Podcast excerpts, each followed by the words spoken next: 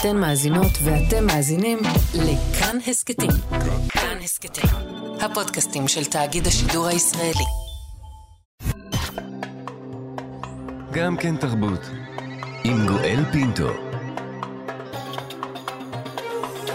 שלום שלום לכולכם, תודה שהצטרפתם אלינו להסכת מיוחד מבית גם כן תרבות, מגזין התרבות של ישראל, כאן אצלנו ברשת כאן תרבות, הסכת שיוקדש כולו לזכרו של צביקה פיק שהלך לעולמו. בבית קראו לו הרשלה, בתעודת הזהות הנריק.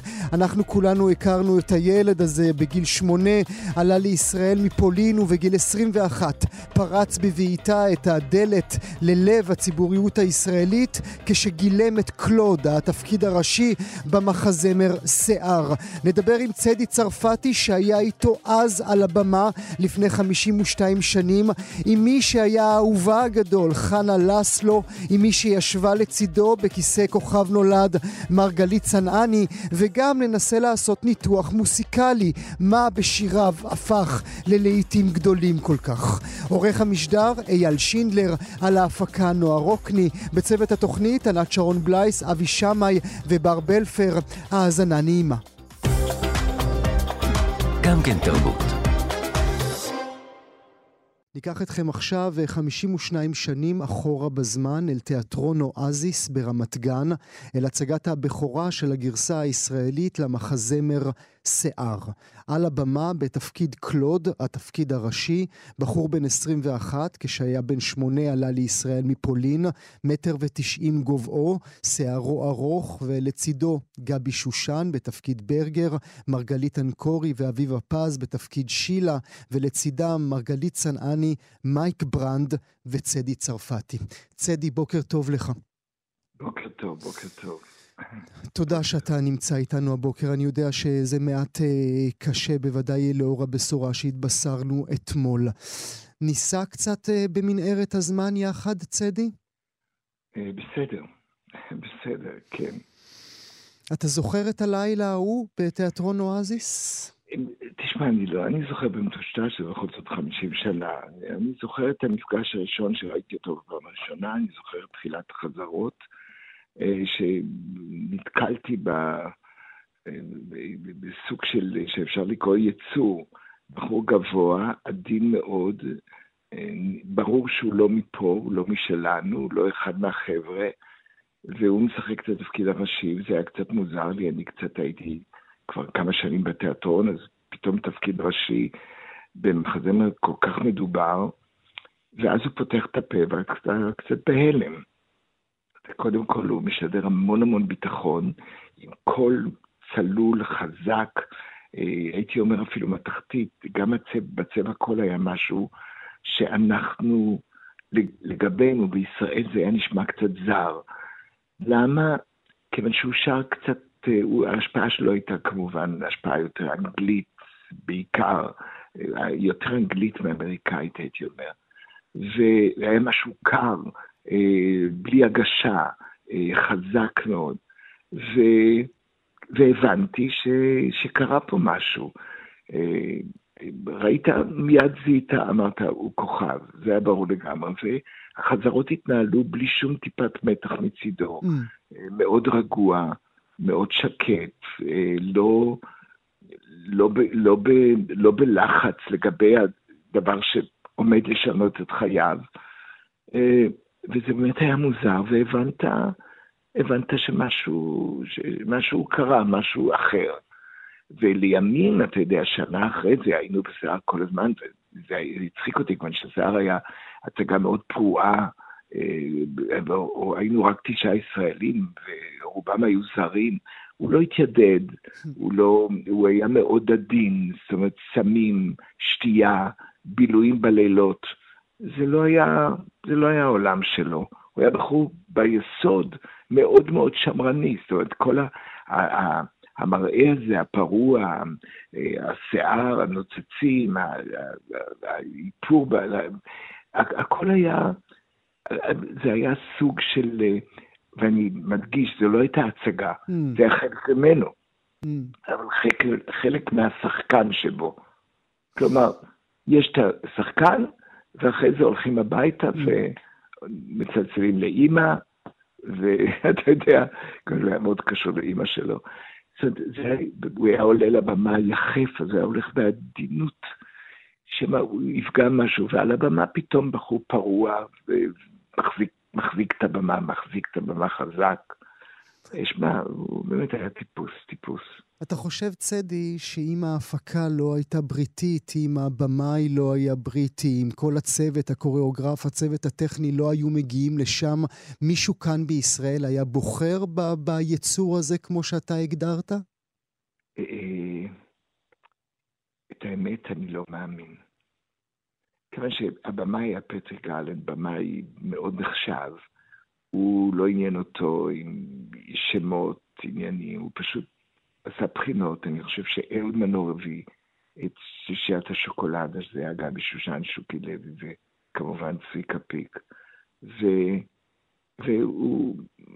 וההתרשמות שלו הייתה מדויקת, מדויקת, כיוון שגם גבי שושן עשה קריירה, וגם שוקי לוי אפילו, שוקי לוי עשה את זה בזמנו עם אביבה פז בעולם הגדול. לא, לא, לא, כמובן שאנחנו גם, ישראל הייתה והיא עדיין קטנה ומאוד מושפעים אחד מהשני, ואנחנו כמו בבית ש, שאומרים תמיד, מה יגידו השכנים, זאת אומרת, נורא מושפעים ממה הוא בא, מאיזה אזור, מאיזו עדה, מאיזה... אתה יודע, כל הדברים הם נורא נורא השפיעו פולני, mm. שבעצם היה עולה חדש, הוא עלה אומנם בגיל שמונה ארצה, אבל הוא כאילו שידר משהו מאוד לא ישראלי. ובאותה תקופה עולם הבידור כאילו היה פרוע, אתה יודע, זה נזכר באורי זוהר וכל מיני כאלה, זה היה מאוד ישראלי. ישראלי, אני זוכר ש... אני זוכר שאני, שהייתי כבר המון שנים, הרגשתי לא נוח. ואני ישראלי שנולדתי פה. אאוטסיידר. אחד מהחבר'ה. Mm. אז היית בצרות, mm. והוא בהחלט לא היה אחד מהחבר'ה. איך נראתה אז התרבות, אם אנחנו כבר במסע בזמן, אז בישראל? אה, אתה יודע, הייתה, הייתה איזו הכתבה מלמעלה, מה אתה צריך להיות, איך אתה צריך להיות. אה, זה לא היה, זה, זה, אתה, יודע, מה שבעולם הוורדות שלטו הלהקות הצבאיות. אז כמובן, ומה זה הלהקה הצבאית? זה בחור צעיר שנראה ישראלי, עם מדים, אמ, לא מוכרח להיות לו קול גדול, אבל הוא צריך להיות מאוד, אה, סוג של כריזמה ישראלית, הייתי קורא לזה, זה משהו אחר, זה כאילו אתה משדר איזה צבריות, אחד שלא מתרגש מכלום, שאפילו אמ, לא עושה דברים עד הסוף. היה מין... מין קוד כזה שאל תיקח כל כך, אני עולה על הבמה ואם אני רציני מדי בעשייה שלי, אז זה, זה לא מתקבל טוב. קולות גדולים לא כל כך אהבו, mm, אתה יודע. Mm. נכון שהיו אז, כן, היה לנו באותה תקופה, היה גם, היה גם שלמה ארצי עם קול נפלא, יגאל בשן, כולם, כולם, אבל, אבל אני מתכוון לקולות אופראיים, מה mm. שנחשב, קולות של מחזות זמר. גדולים מהחיים. היה, היה, אחד הצליח, זה היה סאסי קשת, שזה היה נדיר, אבל הוא היה, לדעתי הוא אפילו היה קיבוצניק, הוא שידר משהו אחר. תשמע, זה היה, זה היה בעצם מה שאתה משדר. מה היו התגובות לדבר המוזר הזה שעלה על הבמה? תראה, מאוד, תראה, קודם כל הוא הפך את העולם פה, זאת אומרת, המראה שלו סקרן נורא את התקשורת, הוא היה כמו איזה, ואני אצחיק שאני אגיד את זה, אני לא מכיר הרבה בחורים, אה, או אומנים, גברים, שהיה להם כל כך הרבה שערים בעיתונות, היה להם שערים בעיתונות כאילו שהוא, אה, אני אצחיק, ירדן ארזי, אתה mm, יודע. Mm. מיד בשנה הראשונה אין עיתון, כיוון שהמראה שלו, בעיתון כמו עיתון נשים, לאישה היה לו שערים, לא פעם ולא פעמיים. אה, כיוון שהוא זה, זה היה דבר שהמדינה לא ידעה איך לאכול את זה, אבל לעומת זה הייתה מאוד סקרנית לגבי זה, מאוד מאוד מאוד. ו, וגם הוא מכר עיתונים, כיוון שאתה יודע, מעבר ל, לעשייה שלו, שהייתה רק אחרי שנה שהוא הופיע, שזה מאוד עזר, כיוון שהוא היה כוכב, וכוכב אני מתכוון שגם האישיות שלו מאוד סקרנה, אף על פי שבינינו היה מאוד מאוד סגור. Mm-hmm. לא ידענו הרבה על החיים הפרטיים שלו. הוא לא נתן להיכנס פנימה, ובכל זאת, בכל זאת הייתה הרגשה שהוא נורא מסקרן, והוא כאילו נותן את הסחורה, אבל זה רק כאילו. כאילו. זה רק כאילו. הוא שיחק על זה, צדי? הוא ידע שאנחנו צריכים את הפלמבויינט הזה כדי לאהוב אותו? זה, זו המתנה שהוא... לא, זה היה הוא. זה היה הוא. זה היה הוא, זה מה שהוא אהב, והוא הלך עם זה עד הסוף, ולא עניין אותו כלום. לא עניין אותו כלום. תשמע, הוא הרבה הושפל, וגרם לאנשים לצחוק ממנו, ולעשות עליו חיקויים, ולא להעריך אותו אפילו. ובהתחלה, גם, גם כשהשירים היו שלאגרים, אז היו הרבה פעמים שיקמו את הפרצוף, כיוון שזה היה פופי מדי. ואתה יודע, והשירה שלו הייתה בלי מה שנקרא הגשה, אתה יודע, לא מרגשת, אלא רק מקפיצה. ו... ורק כשהוא כתב את נאסף תשרי mm-hmm. וזה עם שירי משוררים, אז פתאום קצת, קצת משהו השתנה, אבל לזמן קצר.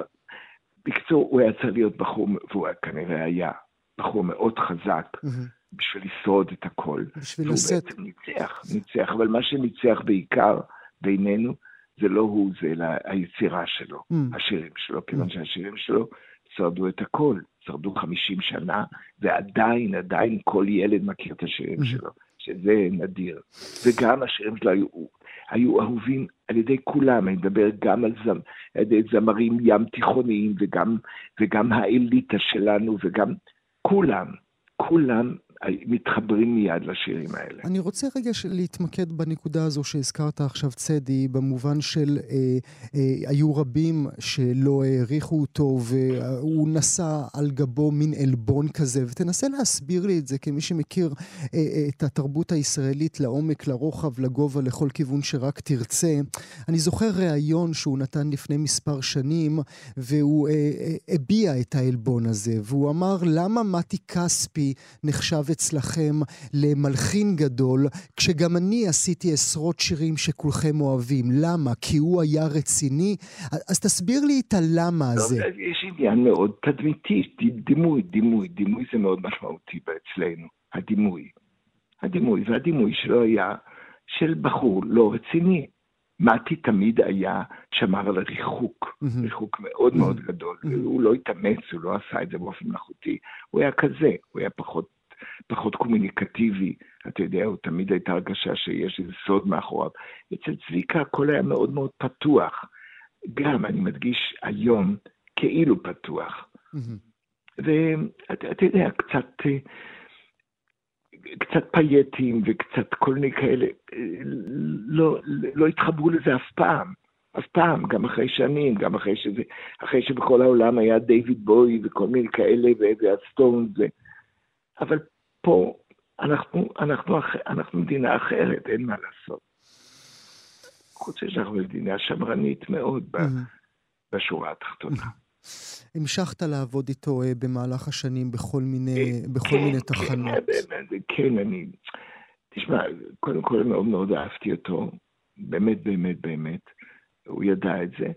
ו- והיה איזשהו חיבור, אז ביימתי אותו בערב יחיד, ובכל מיני קדמים, ובכל מיני... ו- ואכן ישבתי איתו בכוכב נולד, ואתה יודע, אני מצחיק את זה, כל מיני קשקושים מעבר לזה, אבל תמיד היה איזשהו קשר. אה, ו... וזהו, זה סך הכל עצוב, עצוב שהוא איננו.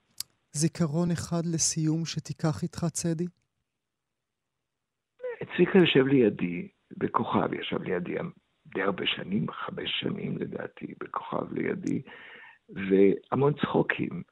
ותמיד, כשהוא ישב לידי, הוא תמיד היה צמוד אליי בכוכב.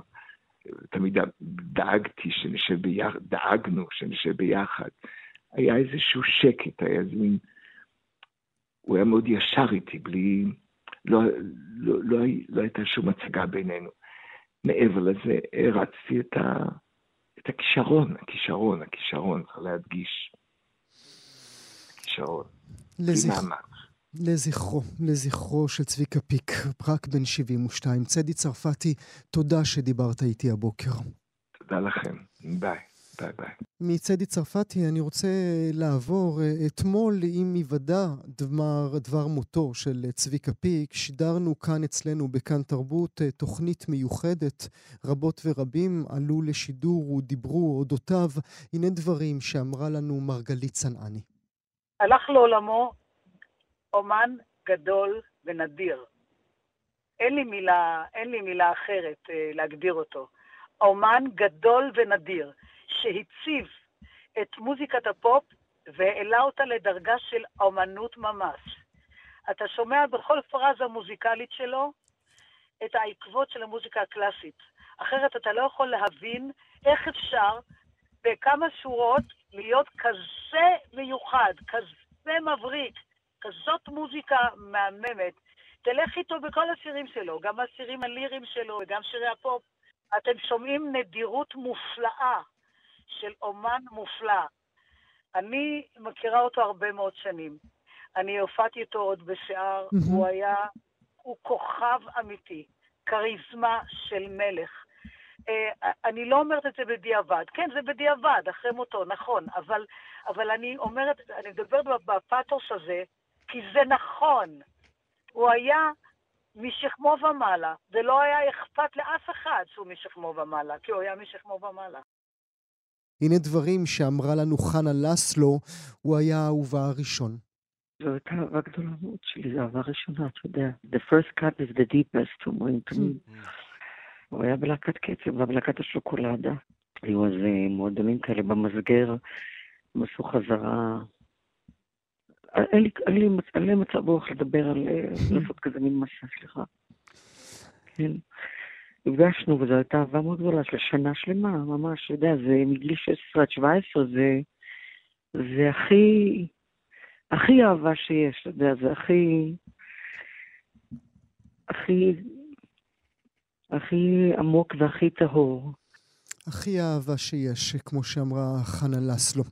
רבות אה, דובר ביממה האחרונה מאז היוודע על מותו של אה, צביקה פיקה, על המוסיקה שהנחיל לנו. מהרקדן האוטומטי, דרך אני אוהב אותך לאן, נאסף תשרי, אני לא יכולה בלעדיך, גבריאל, דיווה, אינסוף. לכל אחד הצביקה פיק שלו. אבל מהי הגאונות בה זכה פיק? איך אפשר לנסח במילים את טנא הלהיטים מהשיר שפיק הנחיל לעולם? האם היה קו מחבר בין כולם? וכיצד הוא שינה את התרבות המוסיקלית של כולנו? ננסה לנסח את זה עבורכם. נברך לשלום את המלחין, הפרופסור עודד זהבי. בוקר טוב לך. בוקר מצוין. ולצידך, המלחין והמרצה יונתן בר גיורא, בוקר טוב גם לך. בוקר מעולה. הפרופסור זהבי, איך מגדירים, איך מנסחים גאונות? מנסחים גאונות בזה שיש בה רכיבים לא צפויים שמגיעים למיצוי וביטוי ביחד. במקרה של פיק, המסתורין שלו, הדמות שהוא יצר, הזמינה מבט בוחן מקרוב. וכשהתקרבת בשביל להבין מי זה הווירדו הזה, מצאת שם דברים מדהימים, כמו למשל יכולת מלודית נפלאה, אבל גם דיקציה יוצאת דופן שאפשרה לו להעביר טקסטים מורכבים מאוד, פנינים ומכמנים של השפה העברית, אה, באופן שהוא נגיש לגמרי. כלומר, אם היו צריכים היום להרכיב במעבדה מין יצור כמו צביקה פיק, ואני בטוח שהוא היה אוהב את ההגדרה mm, הזו, mm. הם לא היו יכולים לעשות את זה יותר טוב. מצד אחד משהו מאוד אניגמטי, אניגמטי, סליחה. מצד שני, אה, מוחצנות מוחלטת, אבל עם פרצוף אטום. אתה יודע, כמו הבן דוד המופרע של, מר, של מתי כספי, ועל הדרך הזו יכולת מלודית מאוד מאוד גבוהה, ופשוט אה, דיקציה עוצרת נשימה. ואתה יודע מה? יש הגורסים, ואני בטוח שיונתן עשוי כפי הנראה אולי בנסיבות מסוימות להסכים איתי, שגם עובדה שהוא לא שר אינטיון, אה, שהוא זייף, mm. הפכה אותו למאוד מאוד אנושי, לא אנושי כמו יוסי בנאי, אבל בכל זאת, כשאתה שומע היום, אתה יודע מה הדברים, חלק גדול מהשירים לא היו עוברים כי היו מיישרים אותם באוטוטיון. Mm. העובדה שעוד לא המציאו אז את המפלצת הזו, עשתה את כל העסק לאנושי בצורה נוגעת ללב. יש משהו, לפני שאעבור אל יונתן, יש משהו בעיניך, פרופסור זהבי, אה, קו אחד שמחבר בין כל השירים שהוא נתן לנו? אני חושב שזה היכולת המלודית. אין הרבה מלודיסטים מהסוג הזה. לכתוב מנגינה כמו שצריך זו עבודה גדולה מאוד. זה דרך אגב גם אה, אפשר לו לכתוב, אתה יודע, פה ושם אה, מנגינות לזמרים אחרים, הוא כתב איזשהו שיר זר לאירוויזיון, mm-hmm. פשוט כי הוא הביא את ארגז הכלים המלודי הזה. עכשיו תשמע, בעצם אם אנחנו מסתכלים על הביוגרפיה שלו, אנחנו מבינים שחלק גדול מזה, וסליחה שאני עושה פה נפשות לתחום שבו אני עושה, mm-hmm. מגיע מההשכלה הקלאסית. Mm-hmm. אתה יודע, זה, זה, זה, זה בדיוק על, הדבר על... שאמרה לנו, הפרופסור זהבי, זה בדיוק הדבר שאמרה לנו אתמול מרגול במשדר המיוחד שקיימנו. היא לגמרי... לגמרי אה, אה, השעינה את ההצלחה לניסיון הקלאסי ולחינוך הקלאסי שהיה לו. לגמרי. אז זאת אומרת, לפחות זה, תוסיף לזה, ותוסיף לזה את נגני האולפן המצוינים. ש... תשמע, קח את שופן, תשים לידו את יצחק קלפטר אה, צ'רצ'יל, תביא איזה הפקה טובה וקצת אה, ביזאר, ככה, קורטוב ביזאר, ויוצא לך משהו שאין בשום מקום אחר. זה תענוג. אעבור אליך ברשותך, יונתן אה, בר גיורא, כאמור אה, מלחין ומרצה. מה זה אומר, כמו שאומר הפרופסור זהבי, לכתוב מנגינה כמו שצריך? הרי אם היינו יודעים, היינו כולנו אה, גאונים. זה סוד שאני לא חושב שמישהו אי פעם גילה, ואם הוא גילה הוא לא יגלה לאף אחד אחר, כי זה, על זה נשען הכל, אני מסכים לגמרי עם עודד. אני רוצה אולי להוסיף עוד, עוד משהו. הכישרון האדיר של צביקה פיק, שהוא אכן היה מלודיסט ענק, היה גם ליצור הוקס, מין חתימות של, של, של אה, שלושה ארבעה צלילים שנחרטות לך למוח, שזה בעצם תמצית הפופ, הוא עשה את זה בצורה נפלאה. כן, מוזיקה, אתה כבר שלושה תווים ואתה כבר שם. אה, אה, מעלה, מעלה, מעלה, זה חמישה תווים, זה כבר ממש... והכל נתפס לך, ואחר כך זה חוזר על עצמו, אבל זה, זה משהו שנחרט לך בזיכרון. אני חושב שהוא גם היה גאון בזה שהוא הצליח לייצר, לדעתי בפעם הראשונה בצורה משמעותית, פופ קליל, לא מתנצל, לא דיכאוני, אה, לא... אה, אה, שלא, שאין לו מסר גדול, mm-hmm. פשוט מוזיקה כיפית, mm-hmm. והוא גם, לצורך זה היה גאון של הברות. תשים לב שהוא בחר את ההברות של השירים שלו עם יצורים שלא מבריחים את הפופ מהאוזניים. תסתכל מעלה-מעלה, מרי לו, זה, זה הכל מ' ולמ', אין שם חטא ואין שם, יש שם דברים שעוצרים לך את הפופ. אפילו, אפילו מת אב ומת אלול, זה, זה, זה, זה הכל עברות כאלה שמתגלגלות בפופיות נהדרת. ויבה לדיבה. אמ, עוד, עוד אה, ניתוח קטן של המלודיות שלו, הוא היה נורא נורא פשוט. המון המון מהשירים שלו הם ממש נשענים רק על האקורד הבסיסי. תסתכל, מוזיקה, כן, זה דו מז'ור, אין כאן אפילו, חוץ מהשלושה תווים הבסיסיים, אלף נשיקות. יש לך מינור, רק מינור, אין שם כמעט כלום חוץ מזה. אה, לא, עד שהגעת, זה גם חתיכה מתוך אקורד, הוא כמעט לא יוצא מהאקורד, הוא נשאר מאוד מאוד פשוט ויש עוד המון דוגמאות. דם חם, דם חם, זה גם חלק מאקורד בסיסי. ועם הפשטות הזאת הוא מצליח לייצר דברים שהם אה, נצחיים. Mm, mm. אמרה לנו, אם הזכרתי כבר את מרגלית צנעני, אמרה לנו אתמול אה, שהוא ביקש ממנה לשיר איזשהו שיר באיזשהו אה, אה, ערב גאלה, והיא הייתה בטוחה שקלי קלות, כן? כי זה נשמע קל, כמו שאנחנו עכשיו מדברים על זה, אבל היא אמרה שברגע שהיא פתחה את, את הפה, היא אומרת בדרך כלל דברים לא קשים לי בכלל, אבל פתאום, אני, פתאום הבנתי שהמלודיה הפשוטה הזו היא מאוד קשה לביצוע בעצם. תסביר לי את מה שהיא אמרה. באמת אני חושב שכאן זה חוזר למה שעודד אמר קודם, ההישענות על הקלאסיות. תחשוב על, ויוה לה דיווה אפילו, זה שיר הפופ האולטימטיבי. טה דה דה, פה דה דה דה דה דה, פה פה פה. זה מרווחים די קשים לביצוע, סליחה על הקול הצרוד שלי הבוקר, אבל זה ממש, זה משהו שבלבוש אחר יכול להיות חתיכה מאיזה אופרה. אה, יש שם ממש, ממש דברים שהם לא, אה, לא פשוטים. אמ, והקלילות שבה הוא מצליח לבצע אותם, אני חושב, זה, זה מין הטעיה כזאת, זאת אומרת, זה נותן לך איזו תחושה שמדובר באמת משהו מאוד קליל ומאוד קליט, אבל לך, לך, לך ננסה לבצע את זה, זה באמת mm. יכול ליצור קושי. אני רוצה שלפני שאחזור אל הפרופסור זהבי, אני רוצה שתאמר עוד מילה על האוק. האוק הזה זה משהו אה, נלמד, משהו נרכש. אה, כולנו, בקולנוע ובטלוויזיה אנחנו מכירים את האוק הזה, כן? בוא נהרוג מישהו שנייה לפני הפרק, לפני סיום הפרק, כדי שנצפה גם בפרק הבא. איך זה עובד במוסיקה? אולי תנגן לי משהו שאני אבין איך זה נעצר, כדי שאמתין להעברה הבאה. תשמע, אה, אני חושב ש, שצביקה פיק היה, היה להקת אבא שלנו, זאת אומרת, תחשוב על הלהיטים הגדולים של להקת ווטרלו, כן? שלושה תווים ואתה כבר בפנים. אז שוב, יש לו את ההוקים הנפלאים של מוזיקה ואלף נשיקות. יש לך מנגינה כזאת שאי אפשר להוציא אותה אה, מהראש. או דם חם, דם חם. זה מה שכולם אומרים שיש לי, דם חם, זה שני תווים שממש נחרצים, נחתים לך בתוך, ה, אה, בתוך המוח. ותנסה להוציא את זה מהראש אחר כך שלושה ימים כן, קדימה. כן. אגב, זה, זה גם בימים של בטהובן היה צריך, אה, אה, בשביל שאנשים יוכלו לזמזם את המנגינות שהוא, הנפלאות שהוא כתב, לחזור עליהם שוב ושוב, והיה לו גם הוקים, תחשוב על טה-טה-טה-טם, ארבעה תווים שחוזרים שוב ושוב ושוב, זה, זה, אותו, זה נעשה מאותה סיבה. מעניין. כדי שאנחנו... אה, נוכל לזמזם את הדבר ושיחלט לנו בזיכרון. הפרופסור אה, זהבי, רצית שנדבר על יונתן רטוש דווקא. תסביר לי למה, אולי נזכיר קודם למאזינות והמאזינים.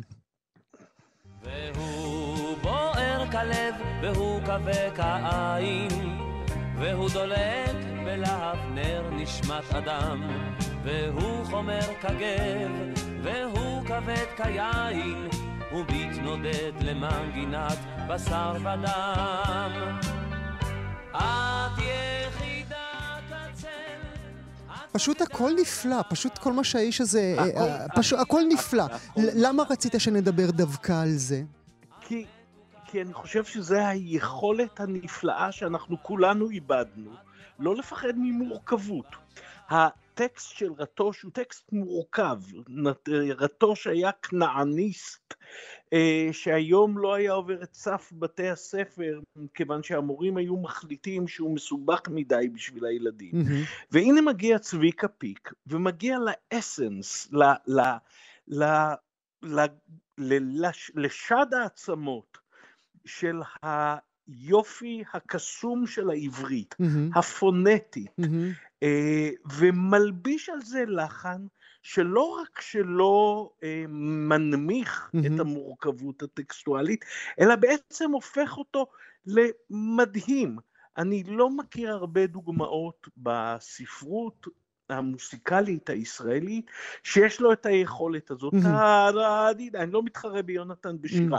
אגב, אם אנחנו לא, אבל אני רוצה רגע, פרופסור זהבי, אני רוצה כן. רגע אה, כן. אה, אה, לצטט עבורכם, מאזינות ומאזינים, מתוך השיר הזה שהשמענו לכם עכשיו של יונתן רטוש. קוראים לשיר, לשיר על חטא. המילים בו הן פשוט מרהיבות, אבל קשה לי בכלל לדמיין אנשים שאולי מבינים 60 אחוזים ממה שקורה בשיר הזה. את יחידה כצל, את בוגדה כנחל, את תצאני לכל, לכל עובר. עובר ושב, את מתוקה כליל, את חמוקה כשחל, את מפוכה כנחל בשרב. לדמיין פופיסט אבל... שבכלל מתקרב לטקסט הזה היום, זה בלתי מתקבל על הדעת. ובשביל זה צריך את הגאונות, בשביל זה צריך את השילוב בין המוחצנות של איגי פופ והיכולת הריכוזית של סטינג ואת ההבנה הבסיסית של השפה העברית, כי בעצם הוא מתאר פה אישה. Mm-hmm. זה שיר שמתאר אישה. אתה יודע, יש באחד הראיונות המכוננים של אביהו מדינה, הוא ביכה את העובדה שהזמר הישראלי איבד את הדימוי שלו. הוא אמר, בעצם בפייטנות, בשירה המסורתית של אה, אה, יהודי אה, המזרח, הוא בכלל היה מרכיב מאוד מאוד גדול של דימוי. את כמו זה, את כמו היא, אני אוהב אותך כמו. Mm-hmm. בעצם פיק לקח את הדבר הזה, אבל מהקצה השני של הכנעניות, אין הרבה מדי הבדל למעט בה. בעצם בחירת המילים בין הקונספציות האסתטיות של אביהו מדינה ושל יונתן רטוש, ו- ו- ופיק הבין את הדבר הזה, אבל אני חייב, אני חייב לתת פה מחמאה, אנחנו מדברים על גאונות. המשפט שיונתן בר גיורא, שאני מכיר אותו הרבה שנים, אמר פה, אה, צביקה פיק הוא מלחין של הברות, mm. אתה, אתה יודע מה זה שווה פרופסורה, mm. בהרווארד, לא mm. בספיר. זה, זו, זו, הבחנה, זו הבחנה מדהימה של מוסיקאי שגם יודע עברית, אני חייב לפרגן, mm. צר לי, mm. זה עולה לי בדמים. אני יכול להוסיף אני יכול עוד להוסיף אה, מילה על הניתוח המבריק של עודד, של יונתן רטוש. אה, מה שיפה בכל העבודה, הצד הזה, הפחות מוכר של צביקה פיק, שהוא נעשה מתוך עלבון עמוק, ירדו עליו, על הפופיות ועל הטקסטים הכביכול, נכון. הוא אמר, אתם יודעים מה אני אראה לכם? ואז הוא לקח באמת שירים כאלה, וכמובן את מת אב ומת אלול mm-hmm. של אה, נתן יונתן, שהגיע לראש המצעד mm-hmm. עם טקסט מאוד מאוד קשה, והוא הלחין אותו בצורה כל כך, הנה, אני אראה לכם, אני יכול לעשות את זה, עכשיו תרדו ממני ותנו לי להמשיך לעשות את הפופ שלי, ואל תבלבלו לי את המוח שאני לא, שאני לא יכול לעשות דברים עמוקים. Mm-hmm. זאת אומרת, זה היה מין הצהרה כזאת שאני עושה את זה מבחירה, לא מתוך מוגבלות. אז אולי לגבי הבחירה, בזה אסיים ברשותכם. נתחיל איתך, יונתן, אחר כך נסיים איתך, פרופסור זהבי. האם זה היה שטיק? האם הייתה כאן כוונת מכוון? האם זו הבטן? האם זו הנשיקה שהוא קיבל על המצח? כי אני לא מכיר הרבה מאוד יוצרות ויוצרים שהצליחו אה, כמעט בול בפוני בכל דבר שהם נגעו. אני, אני לא, לא מתיימר לפענח את הקסם של צביקה פיק, אני יכול להגיד לך דבר אחד נורא פשוט, אני מאוד מאוד נעצבתי אתמול ששמעתי שהוא מת, וזה קורה לי מעט מאוד פעמים. זאת אומרת, זה, זה מין רגע כזה שאתה אומר, כאילו, שיש כאן באמת אבדה עמוקה. אני זכיתי אה, לראות אותו מקרוב בכמה גלגולים בחיי, וזה באמת איש שהוא גם היה אה, מצד אחד כל מה שדיברנו עליו, וגם באמת אה, יבואן הפופ, ומצד שני הוא היה חרוץ ומקצוען ומדייק בעבודה, ובאמת בן אדם מאוד מאוד רציני מאחורי החזות הנוצצת. הפרופסור זהבי, בשבוע שעבר יונה אליאן אה, ביקרה אותנו באולפן, היא אמרה משפט אה, שעד עכשיו אה, נשאר בי, היא אמרה, אנחנו כאן בישראל אוהבים את האומנים שלנו מתים, ואני תוהה עד כמה היינו משמחים את צביקה פיק אם היינו מנהלים שיחה כזאת ושיחות קודמות, אילו היה עוד בחיים. אני מסכים לגמרי. אני חושב שהרעש של חיי היומיום שלנו מונע מאיתנו לעצור ולהסתכל על אומנים. ההשתכחות של אומן בעודו בחייו, אני בטוח שכואבת להם, לכולם, ואני חושב שטוב נעשה אם אנחנו אה, נחשוב על מי עוד כדאי לנו אה, לעצור ולהסתכל. אה, בפרק הבא של הקליף הנגר אני מוכן לגלות כמה שמות כאלה. אה, אבל לפני שהם קופצים. לפני. אבל לפני שהם קופצים. לפני. הפרופסור עודד זהבי ויונתן בר גיורא, תודה רבה לכם לזכרו של צביקה פיק, תודה שהייתם איתנו הבוקר. גם כן תרבות, עם גואל פינטו. אתן מאזינות ואתם מאזינים לכאן הסכתים. כאן הסכתים, הפודקאסטים של תאגיד השידור הישראלי.